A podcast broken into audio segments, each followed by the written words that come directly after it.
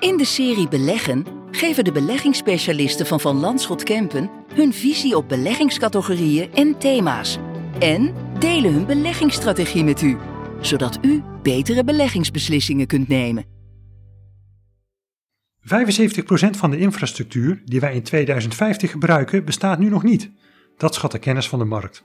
Het spreekt tot de verbeelding en betekent dat de komende 30 jaar veel in infrastructuur wordt geïnvesteerd en dat er veel wordt gebouwd.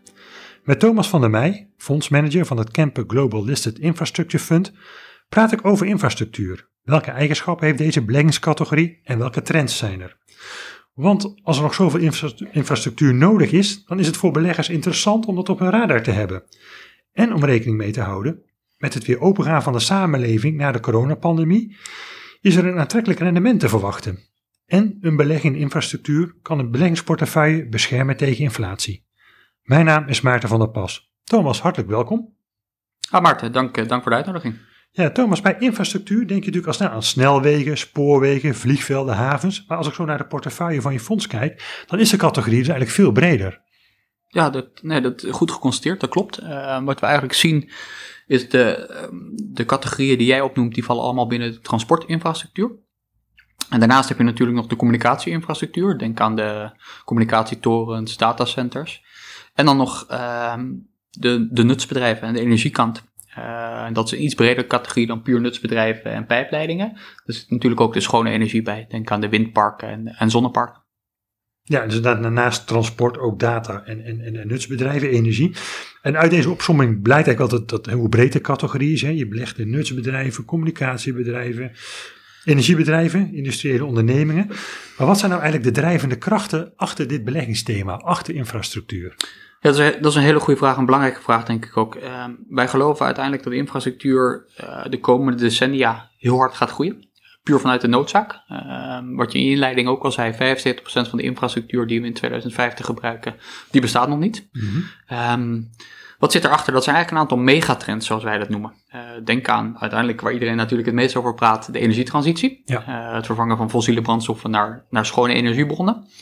Maar ook digitalisering. Uh, over de afgelopen 12, 18 maanden met de pandemie is dat natuurlijk echt versneld.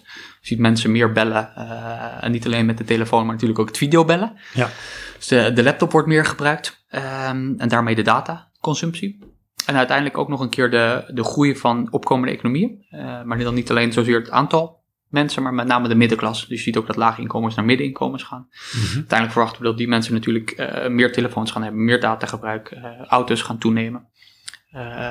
en dan, ik denk een belangrijk onderwerp wat, wat, wat actueler is, is natuurlijk ook en dat zit ook uiteindelijk in die investeringen tot 2050. is niet alleen nieuwe infrastructuur. Het is natuurlijk ook zorgen dat bestaande infrastructuur behouden blijft. Uh, en dat is natuurlijk het onderhoud van infrastructuur. heeft de afgelopen jaren, in, zeker in sommige landen, wat achterstallig onderhoud. En daar moet mhm. geïnvesteerd worden. Ja, zo herinner ik me recent nog een bericht inderdaad dat in Duitsland een brug uh, ja, eigenlijk slecht onderhouden was. Die moest acuut dicht. En je hebt ook gezegd, ja, zelfs in Duitsland, ik zou het mij niet verwachten, moet er nog wel de nodige infrastructuur gerenoveerd worden. Ja, dat is, dat is denk ik het, inderdaad afgelopen week het, uh, het meest recente voorbeeld. Uh, dat je ziet dat in Duitsland het onderhoud zegt is, maar denk ook aan de Verenigde Staten. Uh, Biden heeft natuurlijk ook in zijn verkiezingen uitgebreid geroepen dat er veel geïnvesteerd moet worden in de infrastructuur. En met name ook het onderhoud van wegen, bruggen.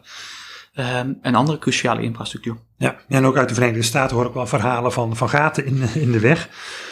Um, dan lijkt het me ook wel natuurlijk infrastructuur een hele politiek gevoelige beleggingscategorie. Je noemde ook al Biden, hè, die plannen heeft om die infrastructuur in Amerika uh, te verbeteren. Maar ja, het natuurlijk, ja, heeft het dan wel of geen prioriteit op de politieke agenda? Uh, heeft misschien ook wel te maken met ja, nakomen van verkiezingsbeloftes.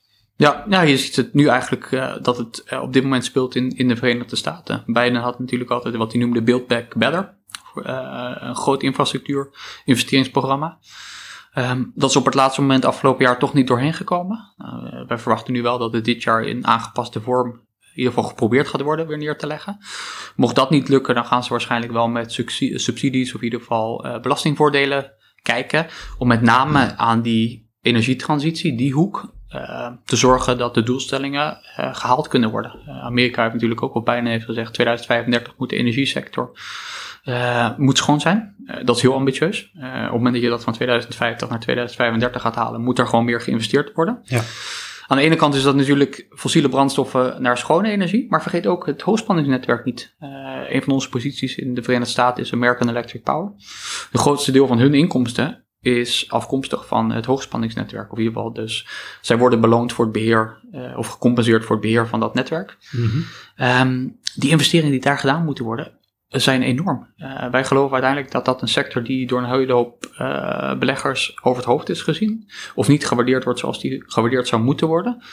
Omdat die groei veel sterker gaat zijn dan een hoop mensen op dit moment verwachten. Uh, en dat komt voort uit het feit dat natuurlijk de windparken, de zonneparken, dan wel op zee worden gebouwd. Dan wel op, plekken waar natuurlijk niet de mensen wonen. aangezien niemand dat een windmolen in zijn achtertuin wil hebben.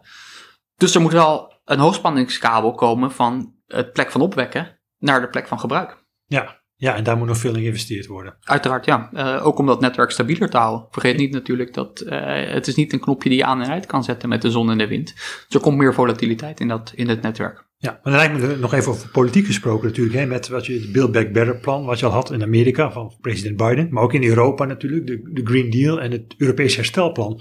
Ja, vanuit de politiek uh, zijn er miljarden euro's en dollars beschikbaar voor infrastructuur.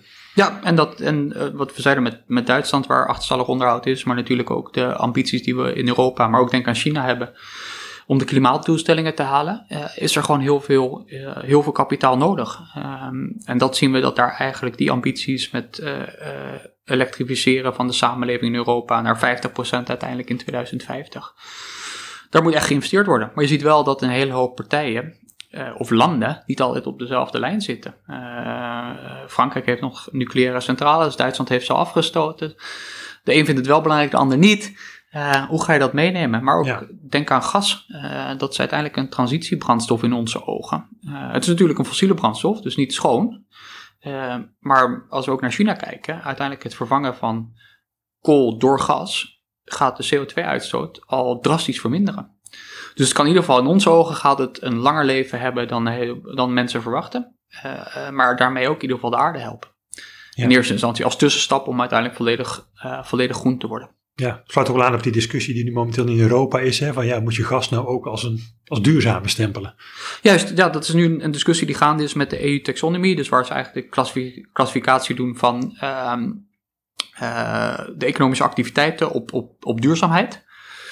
Daar roepen sommige landen, daar moet gas en, en, en, uh, nucleair moet erin. Uh, ondertussen zijn er ook vermogensbeheerders die zich daartegen hebben uitgesproken dat het niet groen is. Het is ook niet groen, uh, maar wat we eerder zeiden, om, wij geloven er wel in dat als jij je doelstellingen wil halen en je wil die CO2-uitstoot verminderen, dan is gas als transitiebrandstof is nodig. En daarom zitten wij in de portefeuille ook nog steeds wel geïnvesteerd in bedrijven die, die een gasdistributienetwerk hebben of pijpleidingen met, met gas. Ja, Nee, is duidelijk.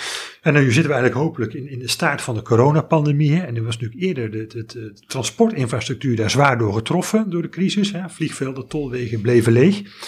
En dan ben ik wel benieuwd eigenlijk welke mogelijkheden zie jij nou hè, als, als, we, als die samenlevingen open gaan, als mensen er weer op uittrekken? Uh. Ja, ik denk dat is, dat is een heel belangrijk en dat wordt een heel belangrijk thema voor dit jaar. Uh, wij geloven er wel in dat echt die, uh, het openen en de restricties dat die wel weggaan of minder worden. Um, en zo hebben we onze portefeuille natuurlijk ook wat meer gepositioneerd. Dus we hebben het eigenlijk over de afgelopen 18 maanden het risico, om het zo te zeggen, uh, wat omhoog gezet. Uh, door te investeren ook in onder andere vliegvelden. Uh, of meer dan we deden. We hadden heel weinig vliegvelden in de portefeuille voor de crisis. Um, en wat wij eigenlijk zeiden, als je naar die transport kijkt, dan zie je vier verschillende categorieën. Je hebt de havens, de spoorwegen, de tolwegen en de vliegvelden. Nou, de havens die hebben het eigenlijk door de pandemie heel goed gedaan. Mensen gingen meer spullen bestellen, werd veel vervoerd. Uh, er waren wat problemen met natuurlijk de, uh, de supply chain, waardoor containers langer in de haven bleven staan, waardoor er meer gelden gevangen werden. Spoorwegen, uh, personenkant natuurlijk lastig. De goederenkant heeft het wel weer goed gedaan, mm-hmm, in lijn met ja. wat we zeiden over de havens. Tolwegen, initieel natuurlijk uh, veel minder auto's door alle beperkingen uh, en, en de lockdown die iedereen had. Uh, op dat moment hebben we wel, zeker in de initiële reactie toen die koers hard naar beneden gingen, uh, tolwegen weer bijgekocht. Omdat we eigenlijk verwachten dat dat volume heel snel terug zou komen. Dat is ook gebeurd, eigenlijk sneller nog dan we hadden verwacht. Mm-hmm. Omdat los van, laten we zeggen, mensen weer naar hun werk reden, zag je dat mensen liever de auto namen in plaats van het publiek of het openbaar vervoer naar hun werk. Ja. Je zag ook dat mensen liever met de auto naar vakantie gingen voor de zekerheid in plaats van vliegen. Dus het auto's uh, richting, uh, als we kijken over de Franse. pas eigenlijk na de vaccinatie uh, zagen we in de tweede helft van vorig jaar dat het omhoog kwam, die volumes. Uh, nog niet op het niveau voor de crisis, maar echt wel de goede kant op. We verwachten dat dat gaat doorzetten, maar daarbij moeten we wel zeggen dat je met name eerst op de korte afstanden dat herstel gaat zien, vakantieverkeer, voordat je dat bijvoorbeeld op lange afstandvluchten gaat zien. En, en ook de zakelijke markt zal waarschijnlijk later herstellen dan uh, wat we zien met, met vakantiereizen. Ja, je hebt je portefeuille daar alweer op eigenlijk op voorgesorteerd op dat herstel en dat, dat het in gebruik nemen van die vliegvelden, dat het daar weer drukker wordt. Ja, we hebben dus uiteindelijk uh, die transportzijde um, daar wat, wat rotaties aangebracht. Um, denk bijvoorbeeld, um, de laatste aankoop die we hebben gedaan is, is Ayena, uh, Spaanse vliegvelden. Dus de belangrijkste vliegvelden, Madrid-Barcelona, zit ook nog een, een, een veertigtal andere vliegvelden bij. Ja, maar afhankelijk van toeristen natuurlijk. Met name afhankelijk van toeristen. Uh, dus je verwacht dat, dat er snel wat sneller gaat komen. Ze hebben een sterke balans. Vorig jaar is de koers achtergebleven ten opzichte van, uh, van de sector. Puur omdat zij bezig waren met het onderhandelen van hun tarieven voor de komende vijf jaar. En de, de onzekerheid die daarbij gepaard gaat. En het feit dat zij uh, met de winkeliers ehm, een conflict hadden over de uh, huren die betaald moesten worden. Uh, daar is een rechtszaak over geweest. Dat is nu allemaal duidelijk geworden en het mooie daarvan is dat we nu eigenlijk vooruit kunnen gaan kijken op het belangrijkste wat, wat de, uiteindelijk de inkomstenstromen gaat drijven, het aantal passagiers. Ja, even naar een andere economische actualiteit. Dat is natuurlijk de huidige inflatie, die, die, die, die hoog is, ook wat langer aanhoudt dan, dan uh, van tevoren verwacht. Dan hoor je vaak ook dat beleggen in infrastructuur beschermt tegen inflatie. Kun je eens uitleggen hoe dat gaat? Ja, uiteindelijk moet je natuurlijk uh, als bedrijf de mogelijkheden hebben om je prijzen omhoog te kunnen zetten. Dus de pricing power heb je die als bedrijf. Infrastructuur met natuurlijk de tastbare uh, beleggingscategorie uh, heeft natuurlijk een, vaak een monopolieachtige uh, positie, hoge toetredingsbarrières, waardoor ze ehm, daadwerkelijk ook die prijzen kunnen verhogen naar hun klanten. Dus minder concurrentie. Uh, daarbovenop komt nog een keer dat de, de contracten die zij aan zijn gegaan, uh, dit geldt niet overigens voor alle sectoren, dus vaak is wat we nu beschreven is de indirecte bescherming. Mm -hmm. Veel van deze infrastructuurbedrijven hebben echter ook een directe bescherming, waarbij in de contracten die ze hebben getekend voor het beheer van een tolweg, um, dat daar een inflatiebescherming uh, in zit. Dus oftewel, elk jaar mogen de tarieven met inflatie omhoog geschoven of omhoog gezet worden. Ja, Oké, okay, zo geef ah, ja, hoe je dat dus toch eigenlijk de inflatie kunt tackelen. Ja, dus je kunt hogere kosten kan je doorberekenen. Inderdaad, dus je, je opbrengsten gaan in ieder geval uh, stijgen met inflatie. Uh, je hebt natuurlijk kans dat de kosten ook een stukje omhoog gaan, maar daar ben je tegen beschermd. Dus je, je inkomstenstroom, die zal, uh, omdat je opbrengsten natuurlijk hoger, groter zijn dan je kosten, zal die natuurlijk wel blijven stijgen. Ja, nou beleg je met jouw fonds in uh, wat heet listed infrastructure. De, de, naam zegt het al. Hè? Dan hoor je als belegger ook vaak ja, listed en daarnaast ook unlisted infrastructure. Uh, ja, listed staat voor beursgenoteerd, unlisted voor private ondernemingen. Kan je misschien het verschil en ook toch een beetje de karakteristieken eens toelichten van ja. die twee typen infrastructuur? Nee, dat, is een, dat is een goede vraag. Wat je eigenlijk, uh, het belangrijkste verschil is natuurlijk de dagelijkse verhandelbaarheid. Uiteraard beleggen we allemaal in dezelfde soort assets. Dus je in vliegvelden, nutsbedrijven, dat kan je direct doen. Mm -hmm. Wat we zeggen, privaat. Door er um, à la pensioenfonds of een verzekeraar um, zo'n bedrijf te kopen. Um, wij verkrijgen eigenlijk het eigendom via de beurs. Dus wij kopen aandelen die uiteindelijk een stukje eigendom zijn, of beheer zijn van, van die infrastructuurbedrijven. Grootste verschil is liquiditeit. De beurs kan je natuurlijk dagelijks verhandelen. Uh, dagelijks worden aandelen aangeboden, kan je kopen, verkopen. Uh, op het moment dat je direct in de stenen investeert, zit je daar natuurlijk langere termijn aan vast. Je komt niet elke dag te koop. Um, maar die liquiditeit, uh, die wij als fonds ook bieden, dus je kan dagelijks in- en uittreden bij ons, komt wel met volatiliteit. Uiteindelijk omdat je dagelijks meet uh, en niet immuun bent voor wat er op de wereld gebeurt, zie je natuurlijk de koersen bewegen. Dat zie je niet aan de directe kant. Dus ogenschijnlijk is dat een stabielere sector, omdat die maar twee of vier keer per jaar een waardering uitvoeren. Mm. Wat je ziet is, um, en ik denk dat is een belangrijk verschil. Uh, wat we zien is dat eigenlijk die uh, directe sector met de rentes die gedaald zijn over de afgelopen tien jaar, uh, de zoektocht naar inkomsten, uh, de alternatieve sector heel aantrekkelijk is geworden. Daar is veel kapitaal naartoe gestroomd. Dat geld kan niet altijd direct geïnvesteerd worden, dus er staat ook geld aan de zijlijn. Maar daarmee zijn die prijzen van die infrastructuurwerken zijn daadwerkelijk echt omhoog gegaan. En die stijging hebben we niet, of niet in dezelfde mate gezien, aan de beursgenoteerde kant. Oké, okay, ja. Voorbeeld te geven, Sydney Airport, die is vorig jaar is daar een bieding gekomen. dat, die bieding lag 40% boven de koers. Zo, ja. Dat veelzeggend. Een, een duidelijk verschil, en dat komt uiteindelijk dus weer, weer voort uit uh, waarschijnlijk een laag uh, uh, cost of capital, dus een laag inkomsten-eis. maar kan ook zijn op een, een nog langere termijn bril op te zetten. Waar je zegt van nou, we geloven dat de pandemie nu wel zijn impact heeft op het vliegverkeer. Maar in vijf tot tien jaar zal het hersteld zijn. Ja, dus dan ben ik al vanzelf al een beetje bij, bij je fonds uitgekomen, het Camper Global Listed Infrastructure Fund, waarvan je een van de portefeuille-managers bent. En waar ik ook wat benieuwd naar ben, hè, wat is nou eigenlijk de beleggingsstrategie van het fonds? Hè? Hoe benaderen jij en je collega's nou dat, dat hele brede thema beleggings- uh, of ja, infrastructuur? En hoe selecteer je de aandelen? Ja, dat is, ik denk dat dat wel een, eh, een cruciale vraag is, een hele belangrijke vraag natuurlijk. Um, we managen onze portefeuille, dus eigenlijk wat wij zorgen is dat we een mooie gespreide portefeuille hebben over um, de verschillende sectoren binnen infrastructuur, maar ook over verschillende regio's, dus Europa, de Verenigde Staten en, en Azië. Uiteindelijk willen wij gewoon de beste uh, vliegvelden of de meest aantrekkelijke vliegvelden, nutsbedrijven selecteren. Dat doen we dus gewoon puur door het waarderen van de bedrijven zelf. Mhm. Eigenlijk wat we zeggen dan bottom-up. Dus je gaat gewoon uiteindelijk kijken naar de inkomstenstroom, de, de balans. Uh, je spreekt met het managementteam. Daar maak je een fundamentele analyse. Uh, maar ik moet wel zeggen dat voor ons ook data gaat een steeds belangrijke rol spelen. Ehm, om de efficiëntie toe te laten nemen in het proces. maar ook om mogelijkheden te identificeren en die snel te kunnen zien.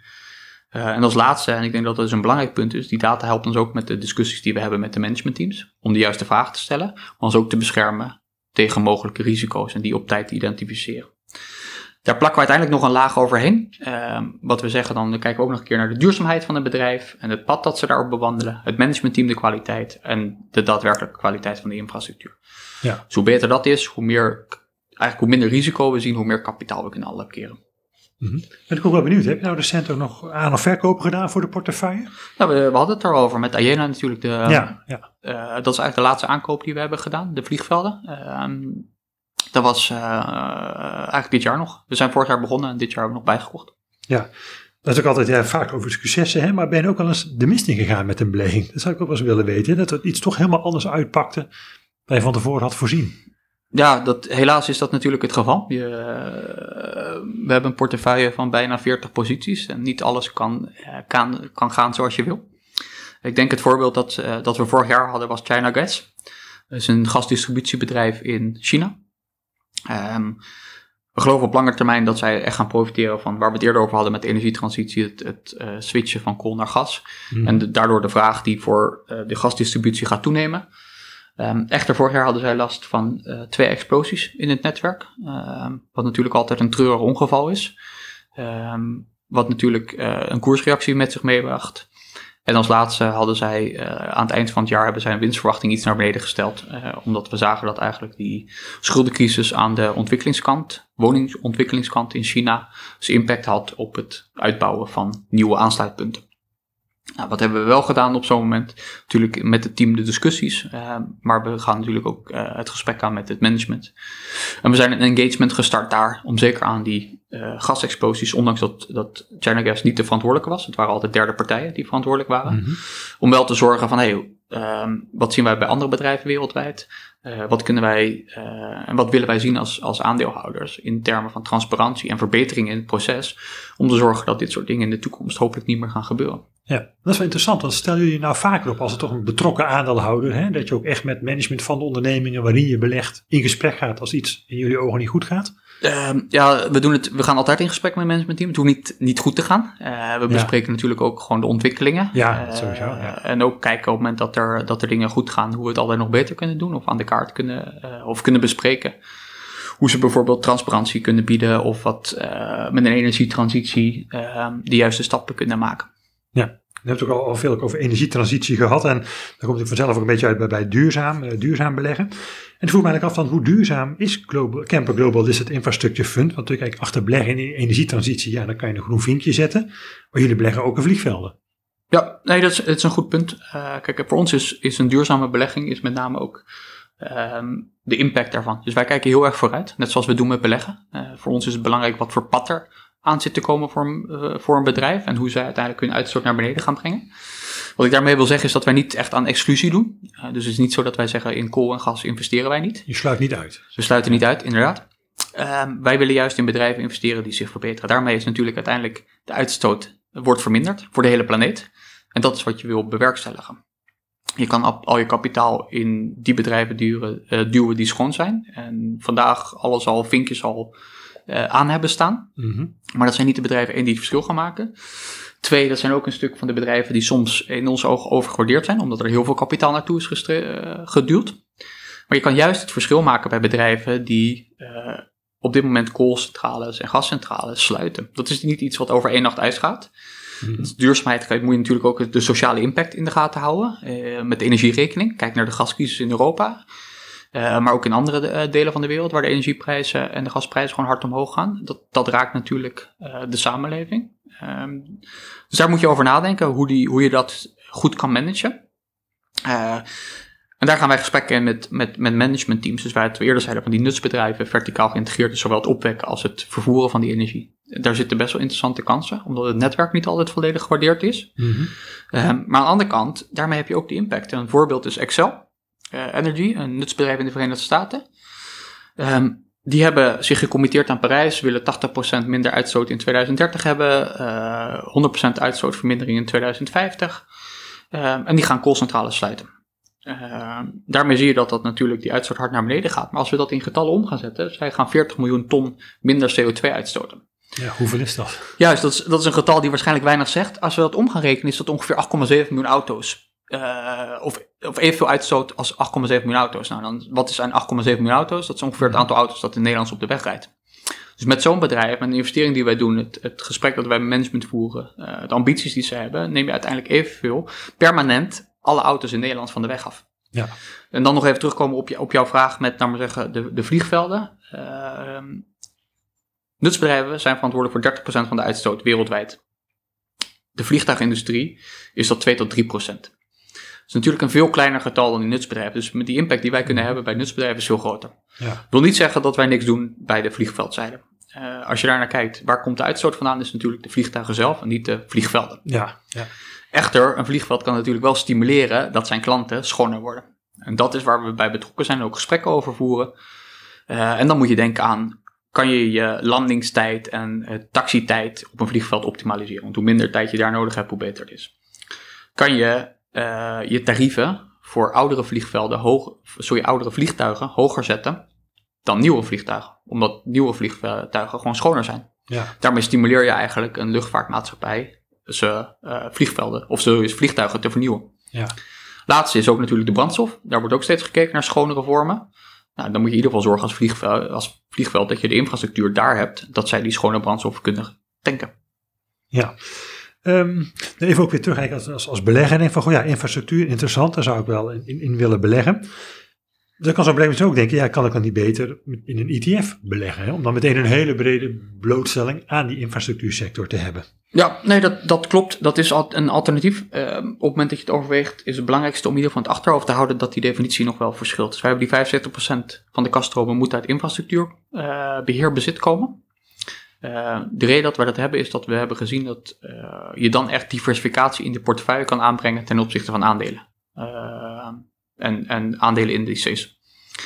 Die passieve oplossingen hebben die, dat criterium vaak niet. Dus er zitten ook bedrijven in zo'n index of in zo'n ETF die wel infrastructuuractiviteit hebben, maar niet het merendeel van de inkomstenstroom is. Denk aan Vodafone. Die hebben wel de communicatietorens, of geval nog een deel daarvan. Maar het grootste deel van de inkomsten is eigenlijk afkomstig van de mobiele abonnementen. Ja, het is een telecommaatschappij. Geen, Inderdaad. Geen infrastructuurbedrijf. Correct, ja. ja. Ja, dus uiteindelijk wel zeggen, je hebt natuurlijk wel een bredere blootstelling aan de hele sector, maar die is misschien wat minder zuiver, om het zo te zeggen. Want, minder zuiver, en ja. daarmee heb je dus die diversificatievoordelen niet die eigenlijk wel hebben. Je gaat gewoon dichter tegen een aandelenindex zitten, qua ja. karakteristieken. Ja, nee, dat is toch goed ja, als belegger om dat in je achterhoofd te, te houden. Uh, nou, jouw fonds, het Kemper Global Listed Infrastructure Fund, bestaat nu drie jaar. En wat ik ook wel graag zou willen weten, welke ontwikkeling heb je nou de afgelopen jaren gezien? Uh, bij het fonds, of misschien ook wel bij de, die jonge beleggingscategorie, uh, listed infrastructure. Ja, de, de sector is in die zin, weet je zegt, een relatief jongere sector de afgelopen 15 jaar opgekomen. Dus die is wel wat meer volwassen geworden. Uh, Wat we daarmee ook zien is dat eigenlijk ook door de waardering aan de directe infrastructuurzijde, dat er steeds meer interesse komt in de beursgenoteerde infrastructuursector. Dus dat hebben we over de jaren heen zien doornomen. Ik moet eerlijk zeggen, en laat ik dat nu eerst zeggen, ik bedoel, wij zijn ontzettend trots op wat we hebben gedaan over de afgelopen drie jaar.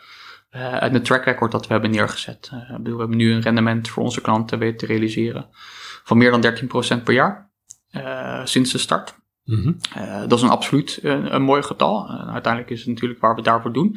Maar daarbovenop ook nog een keer het relatieve getal, dus het beter doen dan de index. Uh, waar we het eerder over hadden, de passieve oplossing. Ja, je verslaat wel de index natuurlijk als activeerd fonds, wat dan belangrijk is. Wat, ja. wel, wat heel belangrijk is. Ja. Um, dus die twee, die twee staan gewoon heel goed. Uh, en daarnaast hebben we eigenlijk het vermogen dat wij, dat wij mogen beheren, uh, is gegroeid van het, het geld van de bank plus ons eigen geld naar nu rond de 100 miljoen. Uh, elk jaar meer dan verdubbeld. Dus met die interesse van de sector hopen we dat we die groei ook daadwerkelijk in de toekomst nu kunnen, kunnen doorzetten. Ja, en dan ben ik ook richting tot slot, uh, Thomas, hè, waar ik nog eens benieuwd naar ben. van welk infrastructureel werk ben jij nou zeer onder de indruk? Ja, dat, dat is een vraag die we niet elke keer krijgen. nee, nee, is er een vliegveld, een brug? Weet ik je van, ja, dat is echt... Uh... Het, is, het is een leuke vraag. Kijk, ik, ik moet even zeggen, er zijn heel veel mooie infrastructuurwerken, maar de, degene waar ik echt onder de indruk van ben, is aan de ene kant uh, wat we zien in de Verenigde Staten, wat ze noemen de managed lanes, of de express lanes. Uh, dat is eigenlijk een tolweg binnen een snelweg. Dus als gebruiker kan je zelf kiezen, rijken over de gewone snelweg, of ben ik bereid te betalen en neem ik de afslag naar de tolweg, uh, om daar gegarandeerd 50, 60 mijls per uur te kunnen rijden en op tijd op bestemming te kunnen komen. Prijzing is heel dynamisch, elke minuut kan dat aangepast worden.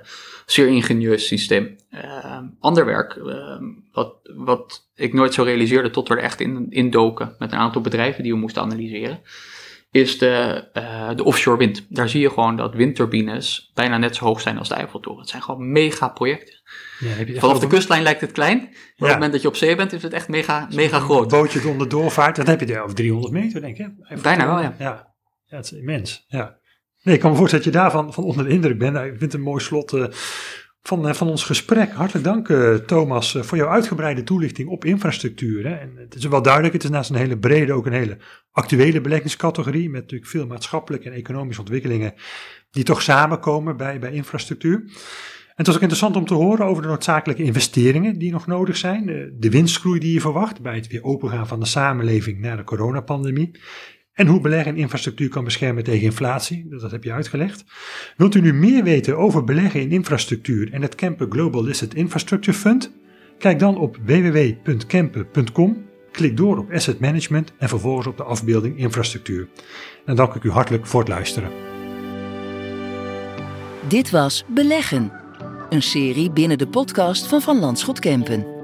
Wilt u op de hoogte blijven van de laatste beleggingsmogelijkheden? Abonneer u dan op dit kanaal.